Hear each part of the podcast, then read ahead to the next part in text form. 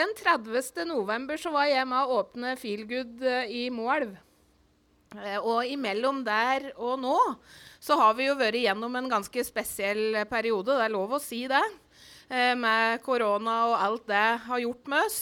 Samtidig så har vel det òg vært en påminnelse om hvor viktig helse er. Og hvor viktig det er at vi greier å ivareta oss sjøl, og ikke minst at vi greier å ivareta NAN gjennom veldig tøffe perioder. Så er det sånn at dette konseptet her, det er jo godt tilrettelagt for alle. Dette handler om å gi nye grupper muligheter for å ta tak i sin egen situasjon. Og kanskje gjøre kroppen litt sterkere for å greie seg litt bedre for å ha et litt bedre liv.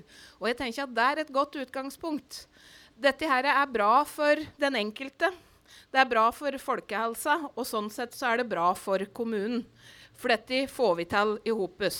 Og så er det en tjeneste som nå skal gis midt i Brumunddal sentrum. Det er med å skape liv og røre her. At det er liv bak alle disse vinduene.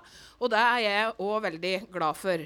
For det er sånn, lokalsamfunnet vårt, om det er bygda eller byen, den er vi med å skape sjøl.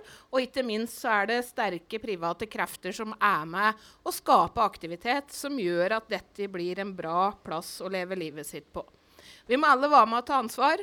Disse kara her er med og tar ansvar òg på denne måten, og det takker jeg dere for. Og så håper jeg at dere som nå skal bruke tilbudet, opplever akkurat dette som det står her. Det er å føle seg litt bedre. For å føle seg litt bedre kroppslig, det tror jeg òg funker godt på huet. Og da når huet funker, så får vi alt til å funke i hopes.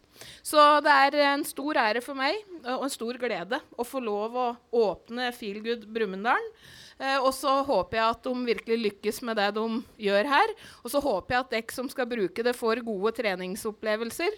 For det er et grunnlag for veldig, veldig mye annet. Så gratulerer så mye med dagen, og tusen takk for at dere gjør det dere kan for at vi skal føle oss bra.